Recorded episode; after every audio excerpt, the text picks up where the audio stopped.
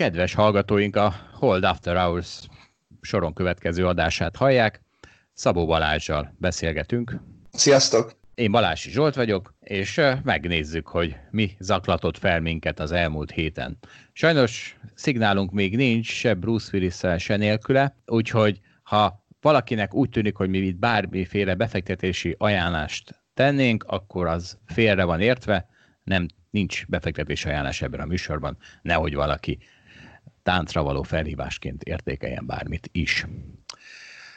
És akkor kezdjük egy veszőparipámmal, amire elnézést kérek, de hát én úgy érzem, ez az én narratívám, hogy két hónapja be vagyok zárva, amiért nagy részt a klikkeltető pánikmédia ludas, úgyhogy ez az én vendettám, és én azt látom, hogy a vírussal kapcsolatban már akkora megnyugvás van, nem csak piacokon, hanem úgy az életben is, ugye minden mindenhol nyitásról hallunk. Szóval akkora a megnyugvás a vírussal kapcsolatban, hogy ez a szegény pánik média egyre, egyre nehezebb a dolga.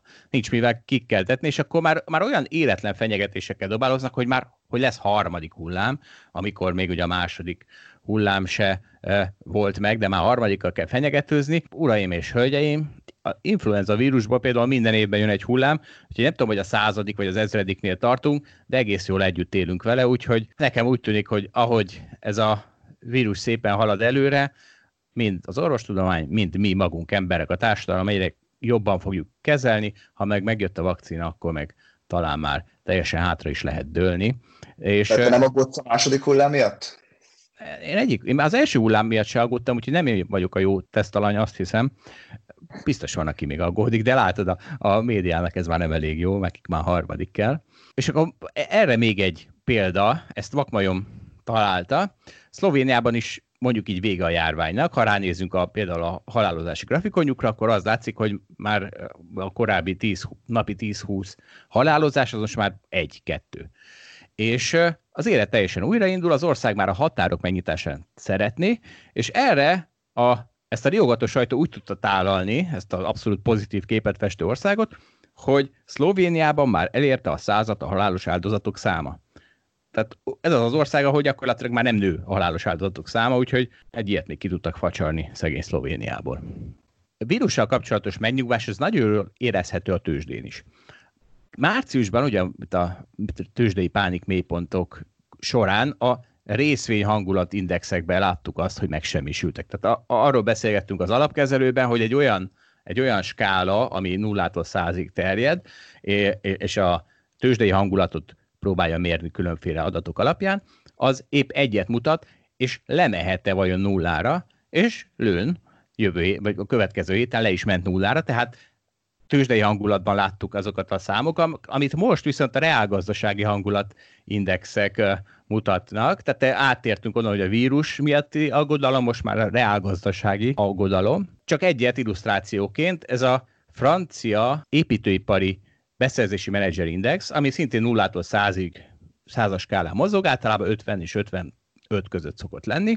Azt jelöli, hogy a, abban az iparágban dolgozó beszerzési menedzserek mit terveznek a jövőre. Na most ez a mutató, ami 50 szokott lenni, 35 volt márciusban, az áprilisban 3,8 lett. Tehát, vicce, tehát vicces, hát mondjuk úgy, hogy tehát érdekes, hogy ugye a tőzsde ami korábban a vírusra mozgott, és a vírustól volt nagyon megijedve, most már a gazdaságtól. Itt hagyj jegyezzem meg, hogy ugye továbbra is mondhatjuk azt, hogy a tőzsdeindexek ugye a magasban vannak, de mondjuk csak, hogy hagyj említsük egy szektort, mondjuk az európai bankrészvények, azok továbbra is nagyon lent vannak, hiszen ezek vannak talán a leginkább kitéve a reálgazdaságnak, vagy ez, ez, ez, a, ez szignálingozza legjobban azt, hogy hogy is el a reálgazdaság. A reálgazdaságban van egy félelem, úgyhogy például a bankrészvények is gyakorlatilag a mélypontjaikhoz igazán közel maradtak, Igen. tükrözve ezt a félelmet. Annak az adásnak a végén, amelyikben nem említjük meg az Európai Bankindexet, eh, pesgőt bontunk. Ez még nem jött el ez az adás. És egyébként ezt a, ezt a befektetői hangulatot, ezt van több ö, mértékegysége, és van egy ilyen kis befektetői hangulatot mérő mi a túrunk, mutatónk, ami továbbra is nagyon pessimista, tehát ilyen, ilyen rekord mély, mély ponton van, és ezt én úgy interpretálom, hogy mi márciusban a vírustól a, a média mindenkit bepánikoltatott, úgyhogy mindenki adta részvényeket, volt egy pánik mélypontunk, viszont most, most, hogy a gazdaságban látjuk a pánikoltató adatokat, az annak két folyamánya van. Egyrészt ezek a, a kisbefektetőkön érezhetően csattannak, mert például egy munkanélküliségi adat ugye az arról szól, hogy, hogy bizony a, a lakosság veszíti el az állását, és kerül létbizonytalanságba. Viszont a profi befektetők azért recessziót azt már láttak. Tehát 2008-9 erről szólt, recesszió szempontjából talán ez a vírus ez még jobb is lesz, mert sokkal kézzelfoghatóbb az egész, meg mindenki nagyon kezelni akarja. Úgyhogy a profi befektetők nincsenek megijedve, ők kvázi fölhúzzák az indexeket, kivéve az Európai Bandik Indexet. Viszont a kis befektetők azok még nem vesznek részt annyira ebben az emelkedésben, legalábbis az szerint a felmérés szerint. Úgyhogy az eredője az, hogy a, itt most a befektetők csak egy része van meg bepánikolva még, viszont ne, azt nehéz elképzelni, hogy a legkönnyebben megijedő lakossági részvényvásárlók nélkül nagyobb esés lehetne a tőzsdéken, nem? Hát szerintem úgy is esett a piac, hogy a kisbefektetők még nem félnek annyira, ugye, ugyanis nem mindig kell egyébként nagy vételi erő, vagy nagy pánik az eséshez, kisforgalommal is tudnak mozogni nagyot a részvények. Tehát én azt gondolom, hogy amikor mindig keressük azt, hogy honnan jöhet a pénz a részvénypiacra, vagy ha már mindenki vett, akkor hova mehet ki, vagy akkor már csak kifelé mehet a pénz, de szerintem ez a szemlélet nem szokott mindig működni, éppen azért, mert, mert kisebb forgalommal is, is lehetnek nagy árváltozások, esetleg egy, egy hirtelen hír hallatán. Tehát én azt gondolom, hogy összességében a reálgazdaság fogja mozgatni a részvénypiacot. Én itt nem tudok megállni az európai bankszektorra tett megjegyzésedet tekintve, akkor mondok egy másikat, hogy az amerikai Russell 2000, ami, ami nagyon sok szektor tömörít, az például sokkal lejjebb van, mint az amerikai S&P 500, és mondjuk a Nasdaq, tehát ahányszor el fogod mondani, hogy a tőzsde milyen jól áll, én mindig hozzá fogom tenni, hogy szerintem nem áll olyan jól a tőzsde, van egy csomó index, ami egyszerűen nem teljesít jól, azért, mert az a néhány nagy vállalat, mint az Amazon vagy a Microsoft, az egyszerűen nincs benne az indexben, akkor azok az indexek nem teljesítenek annyira jól. Úgyhogy szerintem az egyszerűsítés, amit mondasz, azt hozzá kell tenni. Így van, de a tőzsdeindexek arról szólnak, hogy egyszerűsítsük a részvényeket. Azt hiszem. Hát ugye attól, attól függ, ki miben gondolkodik, vagy éppen milyen pozícióban ül. Lehet, hogy a hallgatók is gondolják, hogy nekem nem S&P meg nasdaq ülök, ezért nem örülök annyira mindig az emelkedésnek, és muszáj megjegyeznem, hogy egyébként minden más az, az, az lentebb van sokkal. Igen, például az OTP részvény. Például az a, OTP részén. Ami jelentettés, és lehet, hogy valakinek hiányozni fog, de szerintem ezzel nem fogunk foglalkozni.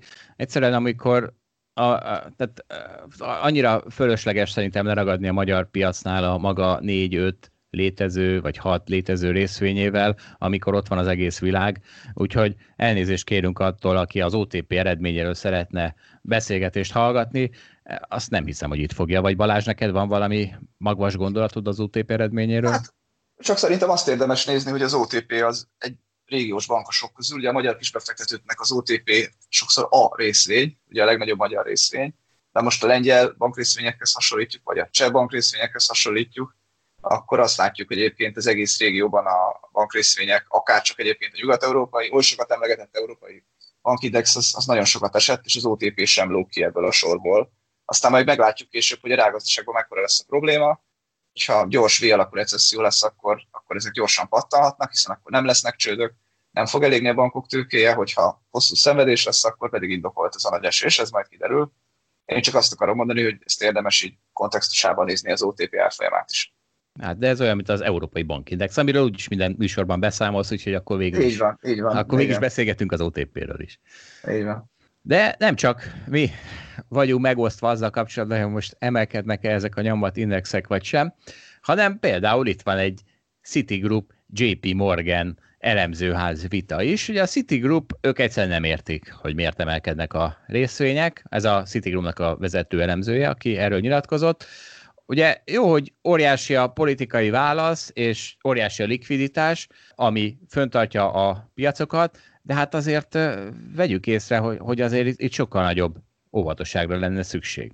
Hiszen, a, hogy, hogy mondta, ezt a hideg, kemény gazdasági realitás az, az, az, az arcú fogja még csapni azokat, akik most lesznek. Ezzel szemben a JP Morgan elemzője azt mondja, hogy hát az igaz, hogy ez a gazdasági aktivitás összeomlás, ez historikus, ilyen sose volt, viszont soha nem volt ilyen globális politikai válasz a, erre a kihívásra, ami aztán egyrészt véd az igazán nagy becsapódástól, másrészt segíti a, az újra a föltámadást, és ők arra számítanak, hogy a kockázatos eszközök, magyarul a részvények, azok folyamatosan ö, emelkednek, ahogy egyre több hír érkezik a gazdaság kinyitásával kapcsolatban, már pedig jelenleg még ezek a hírek érkeznek.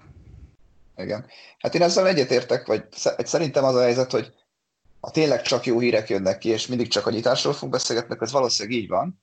Mindemellett azért arról is lesznek valószínűleg hírek, hogy hány vállalat, meg melyik vállalatok mentek csődbe, vagy esetleg az, hogy a fogyasztók a nyitással szemben esetleg valóban úgy fognak fogyasztani, ahogy azt most a tőzsdei befektetők várják, el fognak-e menni étterembe, el fognak-e menni nyaralni, beülnek-e az autójukba, stb. stb. Mert hogyha egyébként a vírustól való félelem az, az ott marad, mert egyébként látják az emberek a statisztikákban, meg a hírekben, hogy hoppá, a nyitással együtt egyébként újra megnőtt a fertőzések száma, akkor ezzel újra, újra gyengíthetik a, a gazdaságot, és esetleg a fogyasztók a lábukkal szavaznak, és hiába lesz lehetőség étterembe járni, hogyha ők úgy döntenek, hogy nem mennek el. Tehát ebből azért még lehetnek kockázatok. Ez, ez nem egyértelmű még, hogy itt mi fog történni, majd kiderül. Azt mondod, hogy a pánik média újra támad? Hát, hogyha a fertőzések száma újra emelkedni fog, hát, már pedig, pedig fog, az újra fog. Már pedig fog, akkor a pánik média újra fog támadni, és az emberek úgy dönthetnek, hogy a gazdasági aktivitásokat visszafogják. Kedves a kérdés, az, hogy, a kérdés az, hogy mennyi, mennyire fognak ezek a fertőzések nőni, és az is persze, hogy a média ezt hogy fogja találni. Kedves hallgatóink, a fertőzés fog nőni, a halálesetek fognak nőni a nyitásokkal, de nem kell ettől kétségbeesni. Hát ezt majd Csak... attól függ, hogy mi azok a számok, Zsolt. De, hát, Lehet, de nem, figyelj, Svédország működik úgy, hogy, úgy, hogy ki van nyitva. Tehát, nem, tehát az emberek maguktól is meg tudják azt oldani, hogy nem mennek egymáshoz közel, nem fognak kezet, és hogy az idősekre nagyon vigyáznak, és, és innentől kezdve már egy, ez egy nagyon kezelhető dolog lesz. Szerintem. 10 milliós New Yorkban meghalt 20 ezer ember ebben a vírusban. Ott nem volt kezelve, azoknak fogalmuk se az volt, az hogy ne, mi van. Az nem volt, Azokra mo- hát most csapott le a vírus. Csak az, az igaz, de ettől még hibással lehet kezelni, probléma adódhat. Bármelyik ország ronthat, elronthatja a kezelést. Nem azt mondom, hogy pánikolni kell, én is, én is alapvetően egyetértek veled, hogy nincs sok pánikra, de azt nem mondjuk, hogy nem lehet baj csinálni, vagy nem lehet baj. Tessék, itt van egy élő példa. De azt mondod, 20 hogy... halt meg egy 10 milliós városban. Értem. Szerintem nagyon de, de, de most azt mondod, mintha egy országok kezelnék a vírus. Nem, a vírus nem országok kezelik, az emberek kezelik. Azok az emberek, akik most már, most már tudják, hogy mi ez a vírus, tudják, hogy nem szabad egymáshoz közel menni, és így tovább. Tehát, tehát most tök mindegy, hogy milyen a, a politika. Együtt, együtt kezeli. Szerintem a vírust együtt kezelik az emberek, és a szabályozás ez nem annyira szétválasztható. És ugye Svédországban azt is mondják, hogy az embereknek megvan, bennük megvan az a, a, a, olyan a kultúra, hogy az emberek maguktól is fel tudják mérni veszélyeket hallgatnak, kockázatokra, stb. Nem biztos, hogy ez mással működik ez a svéd modell. Tehát szerintem van kockázat. Na menjünk tovább, mert igazából a... Mert ha a svéd modellről sem fogunk beszélni, majd az egyik adásban, akkor én is pontani fogok. Hát most te beszéltél róla, Valás, ez neked rám, előtt te beszéltél. Ez a te kedvenc témát. Na nézzük, a normalizálódás még egy jele, hogy a tőzsdét most már ismét a politika mozgatja, vagy, vagy inkább az mozgatja, ami azért, ha én azt mondom, hogy a vírus is most már kontrollálható, mert az emberek lélekben, testben fel vannak készülve rá, úgy ahogy, a politika az még inkább, hiszen erről szólt az elmúlt x év, hogy Trump azt játszotta, hogy hol trade kereskedelmi háború van, hol aztán meg visszatáncolt belőle, amikor már nagyon estek a részvényindexek. Tehát ez, ez egy kicsit kezelhetőbb, de például nálunk Cser Tamás írt az alapblogra egy cikket, hogy az amerikai tőzsde idén elveszítheti a legjobb barátját, és ugye ez arról szól, hogy Trump jelenleg nagyon úgy néz ki, hogy el fogja veszíteni a választást, ami azért baj, mert a Trump volt az olyan, elnök, olyan elnök volt, olyan országvezető, aki tényleg minden nap úgy ébredt, úgy kelt, és úgy feküdt le, hogy megnézte, hogy az S&P 500 az mit csinál. És ha, és a, minden erejével azon volt, hogy ez a S&P 500 ez emelkedjen, tehát ilyen nincs több. És ugye ha ez elvész, akkor azért egy nagy S&P 500 felhajtó erő fog eltűnni, és akkor jöhet az Európai Bankindexed végre. Meglátjuk, meglátjuk. Hát ugye az a kérdés, hogy Joe Biden az amerikai részvények barátja Egyébként messziről nézve szerintem ugye inkább igen. Joe Biden talán a szabadkereskedelem barátja is. Úgyhogy, úgyhogy az aggodalom azt gondolom, hogy érthető, hogy most nincs ott ebben a tekintetben. Az biztos, hogy mondjuk akár egy demokrata elnöktől nem biztos, hogy várhattunk volna akkora adócsökkentést, mint azt a, a Trump esetében láttuk két évvel ezelőtt. Az, hogy a jövőben ezt még hova fokozhatná a Trump, azt, azt nem tudom. valószínűleg a tőzsdének rosszabb, ha rám kikap, ez, ez persze biztos, de azért Joe Biden-től sem kell feltétlenül annyira tartani az én véleményem szerint. Lásd, szerintem Barack Obama alatt sem volt problémája az amerikai tőzsdének. Nem volt, de mondjuk neki, ő ugye 2009-ben jött, vagy valami ilyesmi, tehát pont a, a válság után. Ez igaz, de most struktúrálisan értem, hogy a szabályozás tekintetében nem az amerikai nagyvállalatok megadóztatásáról szólt a, a politikája azért alapvetően, vagy legalábbis outputját, végeredményét tekint. Na nézzük, na, mit hoz a jövőt és politika téma. Az, az Indexen lehetett olvasni egy cikket, és volt hozzá egy kiváló podcast, amiben Orbán Krisztián tartott egy kis előadást arról, hogy a vírus új ideológiát hozhat. És amikor én arról beszélek, hogy ez a vírus milyen változásokat okoz majd a gazdaságban, társadalomban, akkor, akkor sose értem, hogy miért gondolják azt az emberek, hogy itt egy év múlva ne lenne ugyanilyen ugyanolyan idióta fogyasztás, mint volt egy éve, ne akarnának az emberek ugyanúgy utazni, stb. És Korbák Krisztián ő tudott olyan dolgokat mondani, amire azt mondom, hogy valóban egy kicsit igaza van.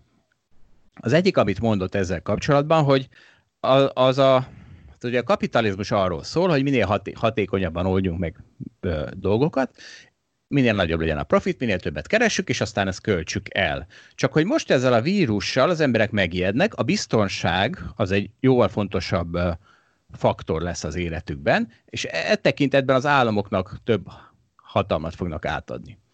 És ha ez megtörténik, akkor le lehet akkor ez egy ok lehet arra, hogy lemondjunk olyan dolgokról, ami a kapitalizmus vívmánya, például a globalizáció, és ami ugye a mindenáron a hatékonyságra való törekvést tartott a szem előtt, ettől aztán elképzelhető lesz olyan, hogy, hogy az emberek hagyják magukat rábeszélni arra, hogy ne utazzanak szerteszét az országban, ne külföldön gyártassanak dolgokat, mondjuk a vállalatok, akár politikai ráhatással, szóval, hogy ebben a szempontból lehet egy nagy változás, és a másik szempont, amit ő mondott, és nekem nagyon tetszett, hogy most mindenki az államtól várja a megoldást. Az államtól várja, hogy segítsen a gazdaságon, az államtól várja, hogy segítsen a vírussal kapcsolatban. Úgyhogy fölértékelődnek azok az államok, ahol szakértelem van, és a lakosság bízik benne. És furcsa mód, ugye ezek nem az erős államok, tehát nem Törökország, nem Oroszország, mert ott, ott sem Kína, mert ott aztán bizalom egyáltalán nincs, és szakértelem sincs, hanem gyakorlatilag párthűség az egyetlen, egyetlen mi ez osztályozó elv.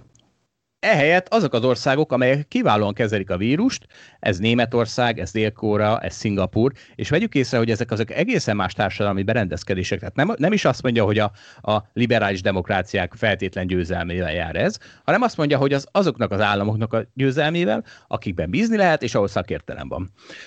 Szerintem akkor kezdjük innen, hogy nagyobb, nagyobb államok lesznek-e, vagy nagyobb igény van az államokra, és hogy ez a vírus ez hogyan hat rá.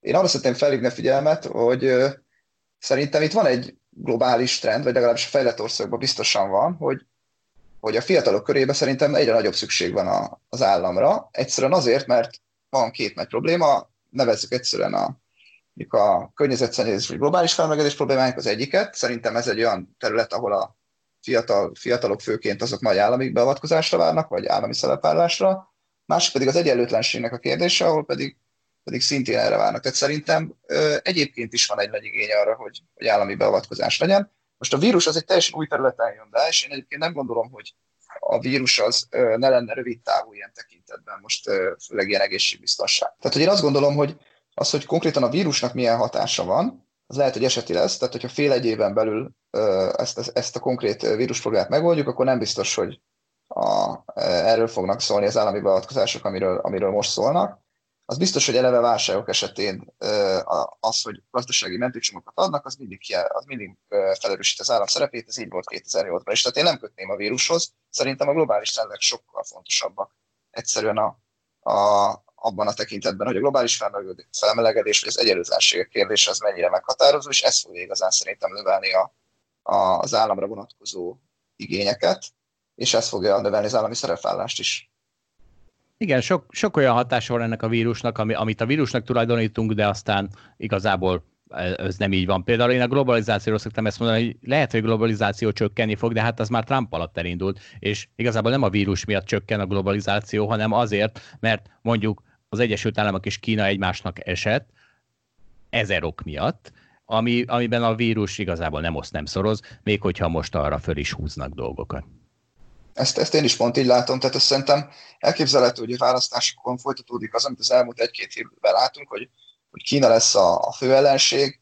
Ugye van egy ország, nagy problémákkal küzd, Amerika nem kezelte jól a vírust, gazdaság romokban, kell a, kell a közös ellenség, ez valószínűleg így van, de ez is beleágyazódik egy, egy sokkal hosszabb távú kérdésbe, ez ugye Kína és Amerikának a, a technológiai harca és a, a világ elsőségért folytatott versenye. Szerintem ez ennek csak egy lépése lesz az, amit majd most látunk ebben az egy évben, de nem a vírus okozta valójában. Ezt egyetértek vele teljesen. Visszatérve egy kicsit a piacokhoz, mert ez nekem egy kedvenc uh, sztorim, a az történt, ami korábban elképzelhetetlen volt, hogy a piacok így egyre szarabb makroadatok jönnek nyilván az Egyesült Államokból is, és a Fed is olyan nagyon pessimistának tűnt, úgyhogy a piacok elkezdtek 2021-re már negatív kamatot ára, ára, árazni az Egyesült Államokban, ami egyszerűen elképzelhetetlen volt. Tehát a, az Egyesült Államok meg akár mi is, folyamatosan hülyézzük a LKB-t a negatív kamatok miatt, ami sokkal inkább kártékony, mint segít bármit, tehát ez most nem is a negatív kamatok miatt érdekes, arról beszéltünk már eleget, hanem mert hogy ez mennyire alágyújtott a nemesfilmeknek és a bitcoinnak. Aznap a bitcoinban is volt egy nagyobb emelkedés, bár ott más is, másról is van szó, de nem ezért mondtam ezt, hanem azért, mert Paul Tudor Jones, a neves hedge fund manager azt mondta, tehát, tehát tehát én már olyan hedge fund menedzserek, akik szerintem 5 éve el sem tudták volna képzelni, hogy ilyen idézőjelben kamu eszközökről beszélgessenek, mint bitcoin, ők azt mondta, hogy hát, hát haló, hát a bitcoin az egyetlen véges kínálatú kereskedhető eszköz. Ebben végül is teljesen igaza van. Hát ebben igaza van, azért az arany is valamiféle hasonló, akkor is, hogyha lehet bányászni. Én úgy tudom, hogy mondjuk az, az aranybányászat évről évre az már a, a, a, az arany tehát az aranykészleteknek, amik a világban vannak, a nagyon kis hányada, tehát ezért az arany is még betölti mindig ezt a funkciót. De igen, hát a bitcoinból ugye pontosan tudjuk, hogy hány darab van, úgyhogy ez beigaza van. Ezt viszont nem mondható el egyre inkább ugye a devizákról, amiből egyre többet nyomtatnak, és nem tudjuk, hol a vége. Folytatva a piacokat, remélem a hallgatók is emlékeznek még az Uberre, ami ugye egy dicső pár év után kimúlt sajnos Magyarországon, úgyhogy hirtelen két-háromszoros áron kell taxiznunk, már ha egyáltalán kapunk taxit. Szóval ez a cég, ez él és virul máshol, hát nem nagyon, de minden esetre idén ez egy kifejezetten emelkedő részvény, és most az eredményére is húztak egy nagyot, mert ugyan 3 milliárd veszteséget termelt a negyedében, ami azért elég kemény, bár igaz ebből egy, ennek egy része egyszeri tétel, de elindult a Uber Eats, magyarul ételt szállítanak házhoz, és ennek egyre nagyobb egyre nagyobb piaci részesedés van, elindult a csomagszállító szolgáltatásuk, szóval elindult a taxizás Amazonja az úton, és egyelőre emelkedni látszik. Sajnos Magyarországon nem vehetjük igénybe. Hát én azt látom, hogy a technológiai cégeknek az a reál opciós értéke az, hogy a jövőben még nagyot szakíthatnak monopóliumként, az, az, az, az, ez a gondolat ez nem veszett ki egyáltalán, tehát március óta szinte minden technológiai cég óriásit ment. Úgyhogy az Uber sem kivétel ezzel a igen, ebbe az a kivétel, hogy ez az Uber, ez a korábbi években, amikor a, a többi ilyen cég szárnyalt, akkor azért eléggé haldoklott. Jó, az igaz. Na menjünk vissza a Európába és a realitás kemény talajára, ugyanis összecsapott az LKB és a Bundesbank, vagy a, inkább a Német Alkotmánybíróság, ugyanis azt mondta a Német Alkotmánybíróság, hogy a Bundesbank nem vehet részt abban a kötvényvásárlási programban, amiben amit az LKB folytat. És ugye ez, ez, ez azért több szempontból érdekes, ez az, ez az a, ez a kötvényvásárlási program az, ami már mondhatjuk, nem tudom, hogy mennyire mondhatjuk, de mondhatjuk, hogy megmentette az eurózónát, ugye ezt tartotta egyben, ez, ez, ez oldja meg azt, hogy a olasz hozamok ne szálljanak el, és hát gyakorlatilag mint egy falat kenyére a szüksége van erre az eurózónának, és a németek az, ezzel a folyamatos szembenállással, a mindenféle infláció keltő folyamattal, az, az most lecsapódott, és a Német Alkotmánybíróság így döntött, csak ez, ez azért érdekes, mert az LKB meg visszaszólt, hogy hát a mi főnökünk az az Európai Bíróság, és nem a Német Alkotmánybíróság, úgyhogy ebből óriási adok-kapok keletkezett. ami a jogi úton valószínűleg majd kezelhető lesz, de például nagyon érdekes Jens Weidmann, a Bundesbank elnöke helyzete, ugyanis ő az, aki az ECB-ben folyamatosan támadta a eszköz, a kötvényvásárlási programot, viszont a német parlament előtt neki kell majd megvédenie ezt a programot szemben a, a német, nem tudom mivel, parlamenttel. Nekem ilyenkor mindig az a kérdés eszembe, hogy az alkotmánybíróságnak kell-e, vagy szabad-e, vagy jó-e, hogy ilyen konkrét gazdasági kérdésekbe beleszól. Nyilván, amikor írták a német alkotmányt, akkor nem gondolták, hogy erre a konkrét kérdésre kell majd egyszer kérdé- erre kell majd válaszolni. Minden esetre szerintem ezek tudnak ilyen furcsa helyzeteket szülni. Ez persze nem azt mondom, hogy a német vagy bármelyik alkotmány, a tulajdonjog, ami egy igencsak gazdasági fogalom, le legyen definiálva, de az, hogy ezekből az alapvető normákból, szabályokból, amik az alkotmányban vannak, ebből, ebből végül is el kell az dönteni, hogy ezt a konkrét finanszírozást megteheti a német, a német Bundesbank, ez szerintem egy ilyen furcsa helyzet. Lehet, hogy ez nincs jó. Kedves hallgatóink, nem szoktunk politizálni, de azt kell, hogy mondjam, hogy ez a megszorítások politikája. Ugyanis a Portfolio.hu láttam a következő címet, nyugtat a magyar kormány. A járvány miatt nem dobják sútba a több éves eredményeiket. Arról szól a cikk, hogy a magyar kormány továbbra is az államadosság csökkentést tartja egy fő eredményének, és azt szeretné föntartani ezt a folyamatot, csak hogy az a helyzet, hogy ez egyáltalán nem megnyugtató. Tehát az államadóságnak is, tehát egy államadóságnak nem minden évben kell csökkennie, hanem hanem amikor lehetett volna egy csomót csökkenteni, akkor le- lehetett volna, akkor kellett volna egy csomót csökkenteni, és most, amikor viszont segíteni kéne a gazdaságot, akkor viszont nem ennek kéne a szempontnak, a fő szempontnak tenni, hogy idén is csökkenjen az államadóság, vagy nem tudom épp mi a célja ennek, hanem pont most lehetne azt, amit korábban megsporoltunk, azt most elkölteni, és akkor visszaugorhatna egy csomót, az az államadósági mutató, de hosszú távon azért szépen menne lefelé, miközben a jó időkben megspóroltunk, és a rossz időkben pedig segítünk. Igen, tehát itt abszolút van egy átváltás a GDP és az adósság között, tehát nagyobb adósság mellett könnyebb nagyobb GDP-t csinálni, és amikor meg egyébként ugye tudjuk, hogy nagyon jó a GDP, akkor érdemes visszafogni, ahogy mondod. Ugye a világban viszont egyre inkább afelé mozognak a dolgok, hogy ez az átváltás ez egyre olcsóbb, ugyanis ugye egyre olcsó felvenni a sok hitelt és ezáltal több GDP-t csinálni, ugyanis ugye, hogy mind mennek le nullába a kamatok, ezzel ugye arra ösztönöznek mindenkit, hogy lehet egy kicsit ezt az átváltást szabadabban értelmezni, még több adósság legyen, főleg az ilyen nagy problémák esetén, mint ami most van. Há, jó, hát a magyar kormány ezt nem sajátította el ezt a nem tudom, mit szempontot. Igen, majd kiderül hogy, kiderül, hogy most Magyarországon nagyobb lesz emiatt a gazdasági visszaesés, vagy nem. Hát ugye minden tényező változatlansága mellett nyilván nagyobb lesz, meglátjuk, hogy mennyivel, hogy ez nagyon súlyos helyzetet eredményezze, vagy sem. Csak nem lesz minden tényező változatlan.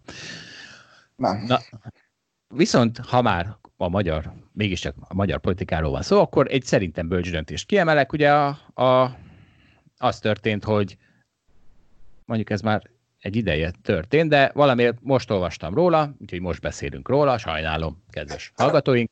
Szóval 16 és 12 éves idejű eurókötvényeket bocsátott ki, összesen 2 milliárd euró értékben a magyar állam, úgyhogy ugye korábban egyáltalán nem volt euró kibocsátás, és ez azért érdekes, mert most, hogy elgyengült a forint, szerintem teljesen rendben van, hogy most euróban adósodunk el, hiszen ha esetleg majd gyengül, erősödni fog, akkor ennek a, a forint értéke nemhogy, tehát ez ugye csökken a forint erősödéstől, és így igazából, tehát, tehát úgy, úgy viselkedek, mint egy jó alapkezelő, aki a pánikban vásárol, a eufóriában elad, pont szemben menve az előző tétellel, amikor viszont arról beszéltünk, hogy miért a, miért a pánikban kell megszorítani a költségvetésen is, ahelyett, hogy a jó időkben. Én inkább emögött azt látom, hogy van egy egészséges egyensúly abban, hogy mennyi devizás kötvényünk lehet, mennyi, mennyi devizával tartozunk. Most nem vagyunk olyan problémás helyzetben, hogy egyébként sok devizával tartoztunk volna koronavírus megjelenés előtt. Szerintem is ki lehet bocsátani nyugodtan eurós államkötvény. Egyébként a másik nagy előnye, hogy, hogy olcsóbb. Nagyon jó, akkor ezt jóvá hagytuk. Breaking, breaking van, elhalasztják a BMW magyar gyárának építését. Tehát nem, nem meglepő, hogy az autóipar az egyik legnagyobb bajban lévő ö, ö, iparág, úgyhogy nem csoda, hogy az ilyen kockázatosabb beruházásokat egy kicsit odébb tolják. Akikre viszont ilyenkor, akik ilyenkor viszont eszembe jutnak, azok, azok a szegény ingatlan spekulánsok, akik Debrecenbe, ahol ugye ez elvileg épül, megvásárolták az ingatlanjaikat, és most ha jön is a gyár, ezt két-három-négy évvel később fogják majd tudni realizálni azt a hozamot, ami a gyár oda településének az ingatlan ár fölhajtó tulajdonsága. Szóval Tudod, ez az ingatlan... Az ingatlan tranzakció még nem történt meg? Lehet, hogy már a BMW megvette a területet. Azt hiszem, azt, me, azt már megvette, csak hát magát az építkezést nem kezdte most így el. Tehát az idén kezdődött. Hát még lehet, hogy akkor a magyar, magyar ingatlan tulajdonosok jól jártak, ha már a területet megvette. Nem, nem igen. Ja, vagy de... te most a szomszédos ingatlanokra gondolsz, nem a tervekre, ne, ahol Nem, nem, nem, várjál, nem. Nem, ezek, várjál, ezek azok az ingatlan spekulánsok, nem azok, akik, a, tehát most nem a, jó, most te nagyon, nagyon a ma, magyar realitásban mozogtál, én azokra a egy fokkal becsületesebb ingatlan spekulánsokra gondoltam, akik egyszer lakást vettek Debrecenbe, mert hogy ahányszor egy ilyen nagyobb cég betelepül egy ilyen mondjuk úgy kisvárosba, az történik, hogy rengeteg dolgozót oda visz, akik elkezdenek albéreteket kivenni, elkezdenek lakásokat vásárolni, és az, az átlagnál jóval nagyobb ingatlan áremelkedést mutatnak azok a azok a, világos, azok világos, a értelek, félreértelek elsőre. És de hát ugye azt látjuk, hogy az ingatlan spekuláció, egy kockázatos csiparág, lásd Airbnb, erről már volt szó. De ha már Airbnb, akkor a Reuters szerint 1900 embert az alkalmazottainak a 25%-át bocsátják el, de nem is ez az érdekes, hanem az, hogy azt mondta az Airbnb, hogy a belföldi országon belül foglalások szintje, az Dániában már a tavaly áprilisinak a 90%-a, Hollandé pedig a 80%-a. Magyarul itt óriási érénkülés van, Persze ehhez hozzátartozik ez olyan, mint a, az autózás, és az autózás is nagyon megélékült mondjuk Kínában, de ez azért van, mert a tömegközlekedők elkezdtek autózni. Na most itt is az van, hogy a, akik eddig külföldre utaztok, azok most majd belföldön maradnak, és ezért persze a belföldre dupla vagy tripla kereslet zúdul, és így lesz 80-90 százalék. Igen, tehát valószínűleg akkor Európában ezek a számok nagyon növekedésnek fognak indulni, ezzel szemben Amerikában meg nem, hiszen ez egy nagyobb ország, tehát hogyha Amerikán belül utazol, akkor az ugyanúgy belföldnek van számítani. Most meg a hollandok meg a görögök nem cserélnek helyet egymással mondjuk nyáron. Így van. Ez csupán ennyit jelent.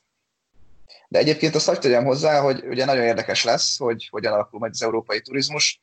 Ugye héten volt egy bejelentés, hogy Görögország megnyitja kapuit július 1-től, tehát nyilván a görögök azért szeretnék, ha majd valamilyen formába mennénk hozzájuk nyaralni.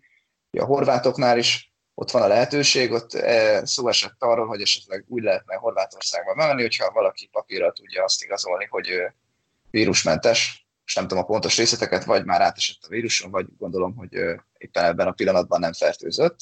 Ugye érdekes lesz majd, hogy ezek, ezek hogyan fognak alakulni, illetve hogy a, mondjuk a, nem tudom, Zsolt, te hogy látod ötfős család tagjaként, el tudod képzelni, hogy mindannyian megcsináljátok a tesztet, és mondjuk nem tudom, a horvát autópályán lefele a egyes pontoknál bemutatjátok, hogy egészségesek vagytok, hogy az emberek majd vállalni fogják ezeket a plusz terheket. Ugyanez a kérdés fel fog merülni ugye a légiközlekedés kapcsán. Biztos ott is lesznek majd különböző szigorítások.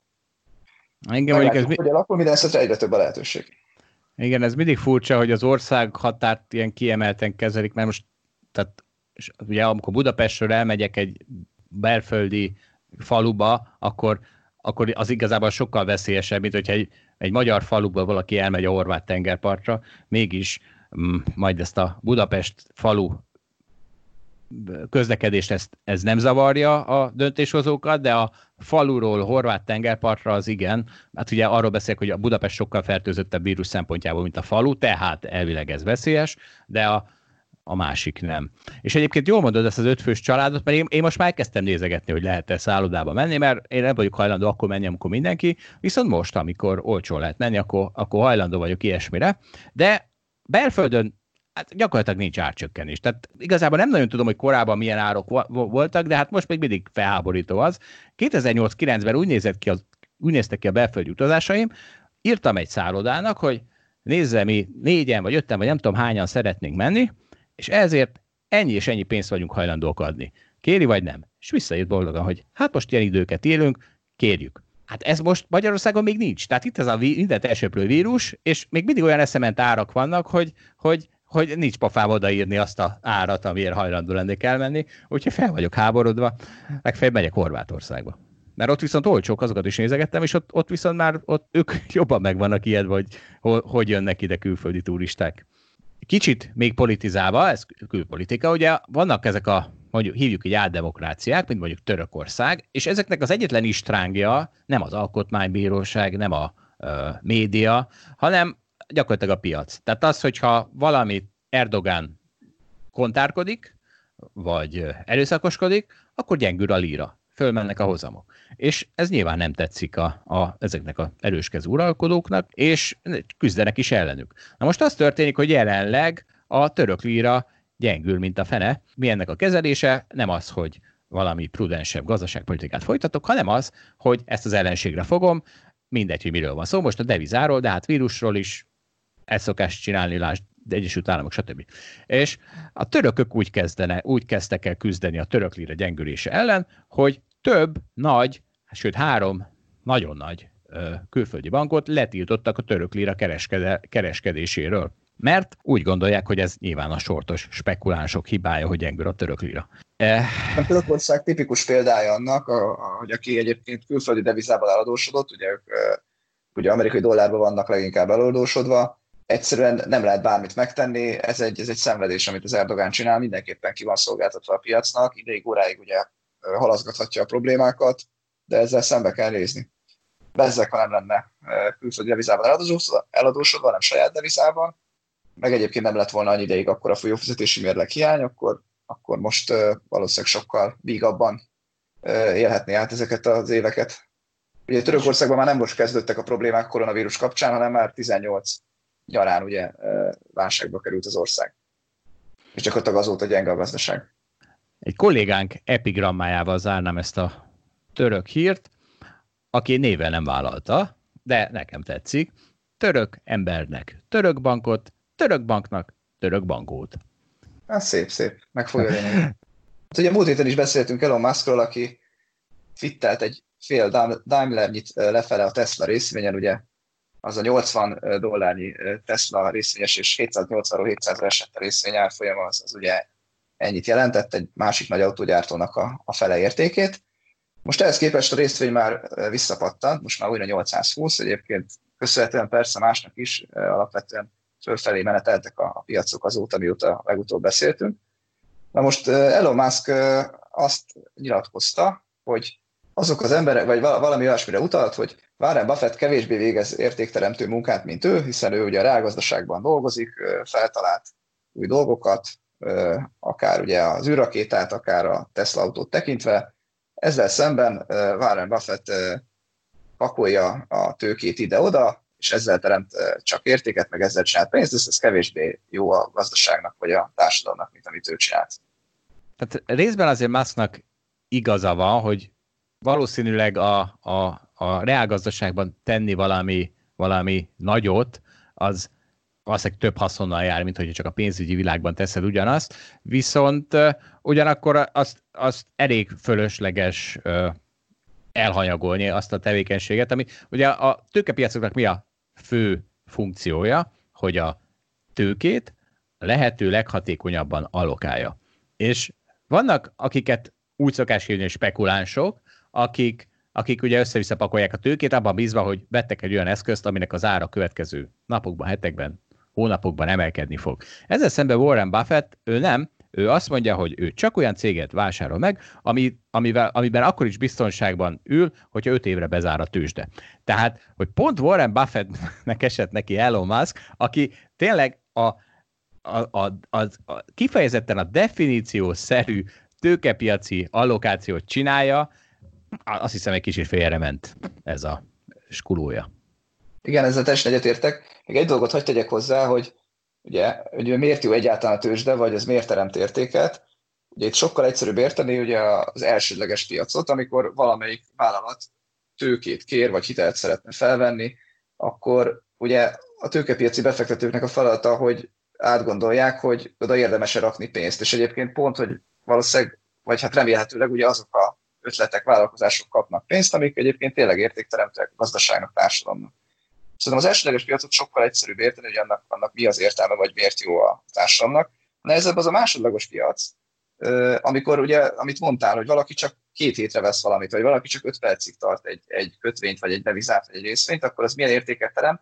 Itt arra szeretném felhívni a figyelmet, hogy igazából Másodlagos piac nélkül viszont nincs elsődleges piac, tehát hogyha az elsődleges piaci szereplők nem tudnák, hogy majd kiszállhatnak a másodlagos piacon, hogyha igazuk lesz a befektetés tekintve, akkor, akkor ugye esetleg nem adnának pénzt a vállalatoknak. Tehát a másodlagos piac az ugyanolyan elengedhetetlen része a tőzsdének, mint az elsődleges piac. Tehát nem arról van szó, hogy csak az, az, a, az a tőzsdé befektető teremt értéket, aki egy IPO vásárol, vagy egy kötvényt vesz meg, hanem az is, aki a másodlagos piacon részt vesz, hiszen ezzel azt az egész rendszert fenntartja, mozgatja, és egyébként így fognak a vállalkozások pénzt kapni. Nem mellesleg szerintem Elon Musk sokkal híresebb azért, mert létezik a tőzsde, és ő egyébként tud twittelni a részvényárfolyammal kapcsolatban, illetve hát ugye ő is itt tudta magát megfinanszírozni. Például, amikor a Tesla árfolyam elszállt, akkor tőkét tudott kibocsátani, és néhány százalék részvényért ugye nagyon sok pénzt kapott a, a Tesla. Úgyhogy az Elon Musk is élvezi egyébként a másodlagos piacnak minden előnyét, azt meg kell hagyni.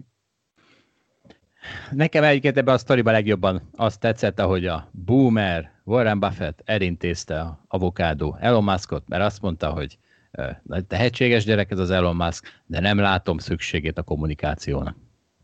Hát igen, még nehéz is lehet, lehet volna itt uh, okosat reagálni erre a felvetésre. Elon musk ugye most már elevesztünk egy kicsit a bulvár rovatunkba, de akkor most már jöjjön az egyre bulvárabb. Ugyanis, kedves hallgatóink, a Bundesligát kinyitják. Tehát újra lesznek foci meccsek, igaz, hogy zárt kapusak, és igaz, hogy csak a német csapatok fognak ott focizni, és ez az, amit ezzel kapcsolatban nem értek, hogy tehát a szegény foci néző, aki eddig a fehér orosz bajnokságot volt kénytelen nézni, mert más nincs a világon, ahol focizni is tudnak.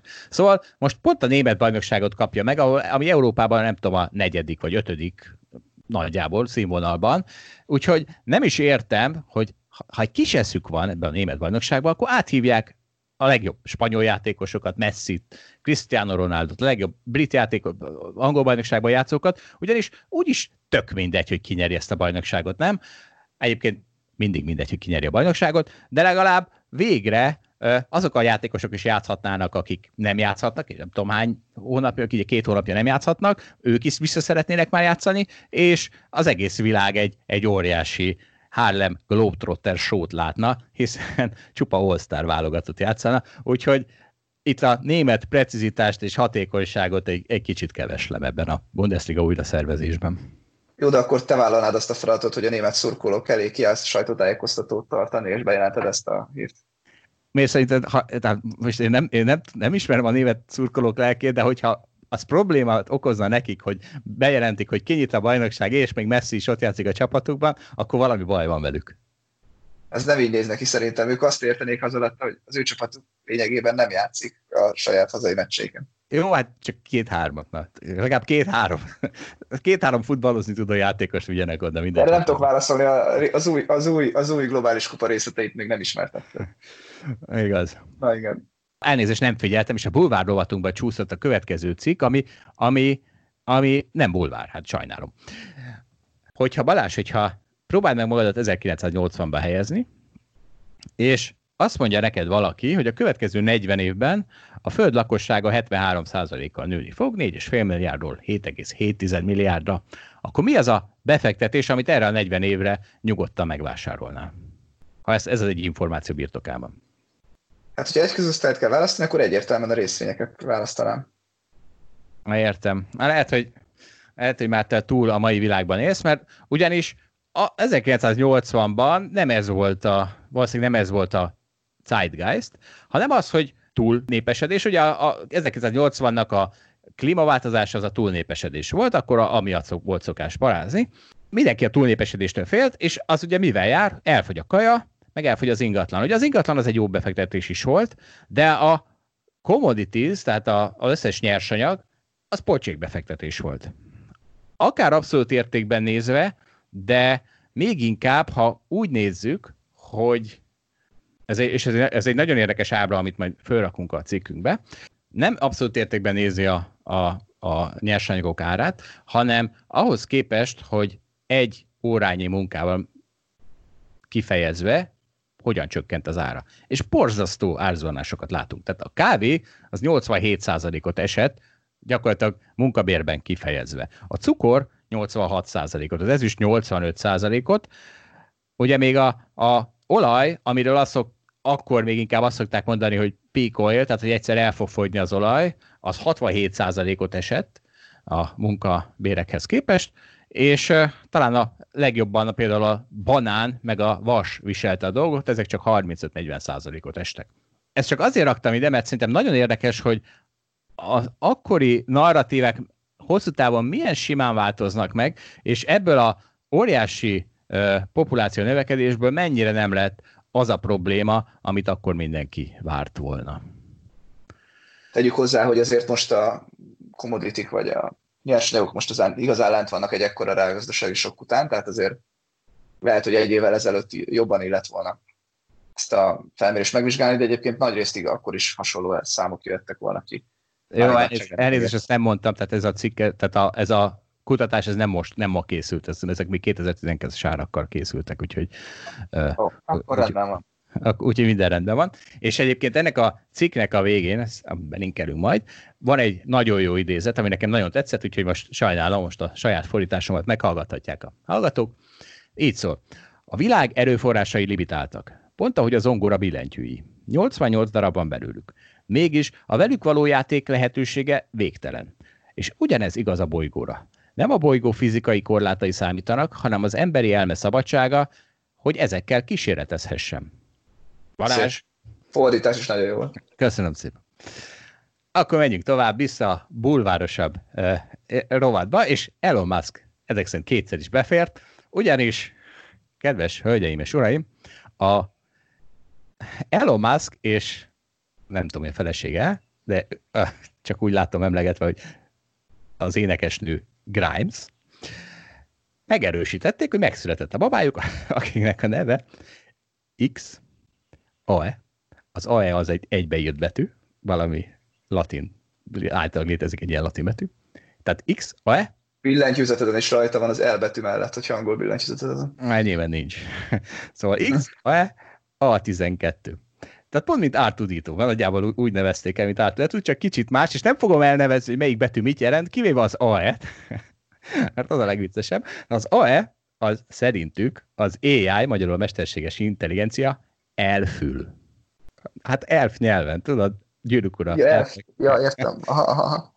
Valami egészen elképesztő nevet kapott a, a, a gyerek, de igazából nem tudom őket hibáztatni, ugyanis én a gyerekeimet sose a nevükön szólítom, hanem krumplinak, meg tökfejnek, meg az anyád úristenitnek, és, és most olyan mindegy, hogy milyen neve, nem? Hát úgy látom, ők ezt kimaxolták, ezt a filozófiát. Nem tudok mit hozzászólni. Ja. Úgyhogy megszületett Elon Muskék ártudítója, és ezzel az adásunk végére is értünk. Mindenkinek további kellemes hétvégét, a viszont hallásra. Köszönjük, sziasztok!